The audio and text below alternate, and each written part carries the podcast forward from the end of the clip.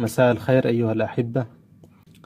أواصل مع قراءاتي التذوقية في الشعر العربي مع أبي الطيب المتنبي. آه، الليلة إن شاء الله سأعرج قليلا على المرحلة الكافورية مرحلة ذهابه إلى مصر للقاء أبي المسك كافور. وقد توج هذه المرحلة بقصيدته اليائية كفى بك داء أن ترى الموت شافيا وحسب المنايا أن يكن أمانيا تمنيتها لما تمنيت أن ترى صديقا فأعيا أو عدوا مداجيا. وفي هذه القصيدة في أولها خصوصا يظهر جليا تعلقه بسيف الدولة وإن حاول أن لا يظهر ذلك لغضبه الشديد حسب ما أرى. فهو ما زال يحب سيف الدولة ويرى فيه نفسه يرى فيه ذلك الفتى العربي الذي كان يطمح أن يكونه. فهو يقول مثلا في بداية القصيدة حببتك قلبي قبل حبك من نأى وقد كان غدارا فكن أنت وافيا.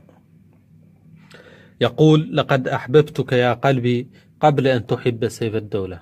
وهو يقصد من نأى حسب ما أعتقد يقصد سيف الدولة. وقد كان غدارا فكن أنت وافيا. وأعلم أن البين يشكيك بعده فلست فؤادي إن رأيتك شاكيا.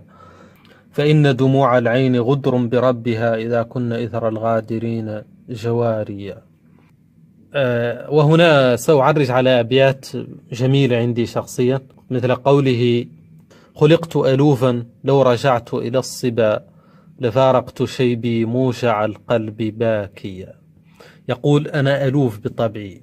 وهذا طبعا نجده أيضا في في أبياته التي قالها الفائية الشهيرة ولكن الكريم ألوف. التي يقول فيها وكل وداد لا يدوم على الأذى. دوام ودادي للحسين ضعيف فإن يكن الفعل الذي ساء واحدا. فأفعاله اللائي سررن ألوف.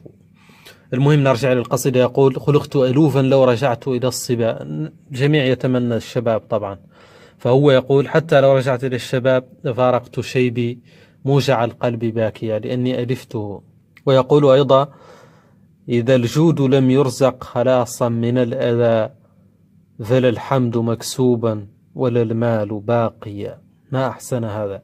يقول إن الجود والعطاء إذا كان معه المن والأذى فلا هو فلا صاحبه كسب كسببه مدحا وذكرا ولا بقي له ماله مثل البخيل. فالبخيل يبقى له ماله هذا لم يبقى له ماله والكريم يبقى له ذكره وهذا لم يبقى له ذكر لأنه نغص ما أعطى بالمن والأذى. وهذا معنى جميل جدا. إذا الجود لم يرزق خلاصا من الأذى فلا الحمد مكسوبا ولا المال باقيا. ما طحى على شيء ما بقى له مال ولا كسب الحمد مولي والذكر. وللنفس أخلاق تدل على الفتى أكان سخاء ما أتى أم تساخيا. وطبعا يقولون إن في هذا إشارة إلى إلى إلى سيف الدولة أو تعريضا به.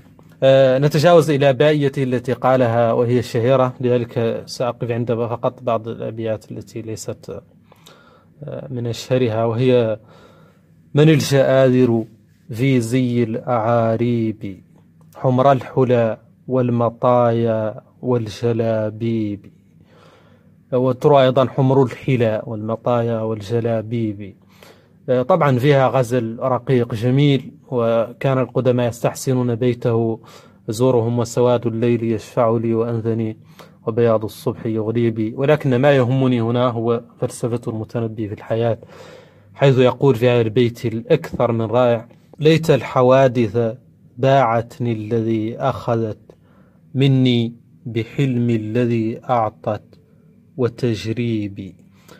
يقول نصاب الدنيا باعت لي ذا اللي أعطاتني من الحكمة تقبل ما باس شورها غير ترجع لي صفاء الذهن وتعدلني حتى شخص خامل ما هو مهم غير سعيد ولا يفكر في شيء ولا هو متألم بآلام الأمة ولا عنده من الهواجس والأحقاد والقلق. وهذا معنى جميل جدا عندي شخصيا. ليت الحوادث باعتني الذي أخذت. أريد من الحوادث من الدنيا أن تأخذ ما أعطتني من الحكمة والتجريب وغيره وترجع لي بساطتي وترجع لي قلبي الصافي وقلبي الخلي الذي كان معي قبل أن أعرف هذه الهموم والآلام والطموحات التي هي قلق دائم. قلق كما يقول هو أرق على أرق ومثلي يأرق ويقول أيضا على قلق كأن الريح تحتي أوجهها جنوبا أو شمالا. المهم نرجع إلى الباية التي تقول وجدت أنفع مال كنت أذخره ما في السوابق من شر وتقريب. لما رأينا صروف الدهر لما غدر بالجميع وفت لي السوابق الخيل السوابق ووفت لي أيضا صم الأنابيب التي هي الرماح. تهوي بمنشرد يقصد نفسه ليست مذاهبه للبس ثوب ومأكول ومشروب. يقول يصف نفسه بأنه مذاهبه وأسفاره في الحياة ليست من أجل لبس ولا مشروب ولا مأكول.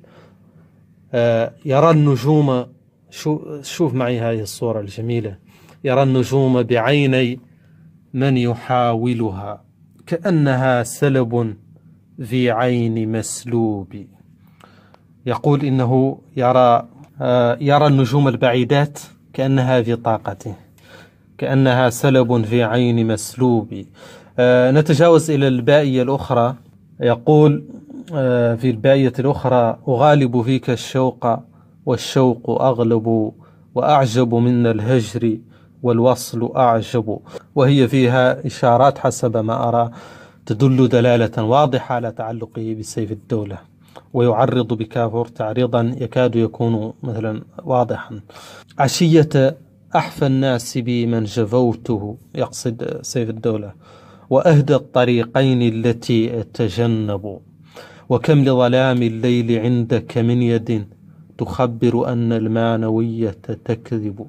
وهذا أيضا كما أسلفت يدل على اطلاعه العميق على الفلسفات. فالمانوية هي فرقة ترى أن النور شر كله أن النور خير كله وأن الظلمة هي الشر. وذلك ما سيبين في قوله ويوم كليل العاشقين كمنته أراقب فيه الشمس أيان تغرب وعيني إلى أذني أغر كأنه من الليل باق بين عينيه كوكب. يقول أنه كان يكمن في كمين يراقب حتى تغيب الشمس لكي يستطيع الذهاب دون أن تلاحظه العيون. وهو ينظر إلى جواده الذي وصفه بقوله أنه أغر كأنما بقي كوكب من الليل بين عينيه. ويصف الخيل وصفا جميلا فيقول وما الخيل إلا كالصديق قليلة وإن كثرت في عين من لا يجرب إذا لم تشاهد غير حسن شياتها وأعضائها فالحسن عنك مغيب. لحى الله ذي الدنيا مناخا لراكب فكل بعيد الهم فيها معذب. ألا ليت شعري هل أقول قصيدة؟ فلا أشتكي فيها ولا أتعتب. جميل جدا وأجمل من هذا التخلص. آه، وبما يذود الشعر عني أقله. ولكن قلبي يا ابنة القوم قلب يقول إن ما عندي من المصائب والآلام والمشاكل كفيل أصغره آه، بأن يبعدني عن الشعر. ولكن قلبي قلب لا يثبت على حالة واحدة. وأخلاق كافور إذا شئت مدحه وإن لم أشأ تملي علي وأكتب. معنى جميل جدا لأن أخلاق كافور لا تحتاج إلى آه، إلى كثير من إلى الشاعرية الكبيرة والتخيل الكبير لأنها واضحة. إنما هو كمثل من يملي علي وأنا فقط أكتب. وهذا جميل جدا جدا مثل قوله لسيف الدولة في ميمية المشهورة يقول لك الحمد في الدر الذي لي نظمه فإنك معطيه وإني ناظم.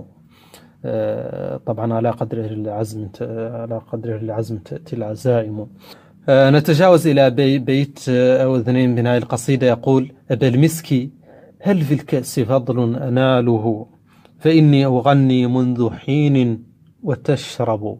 وهبت على مقدار كفي زماننا ونفسي على مقدار كفيك تطلب. إذا لم تنط بي ضيعة أو ولاية فجودك يكسوني وشغلك يسلب.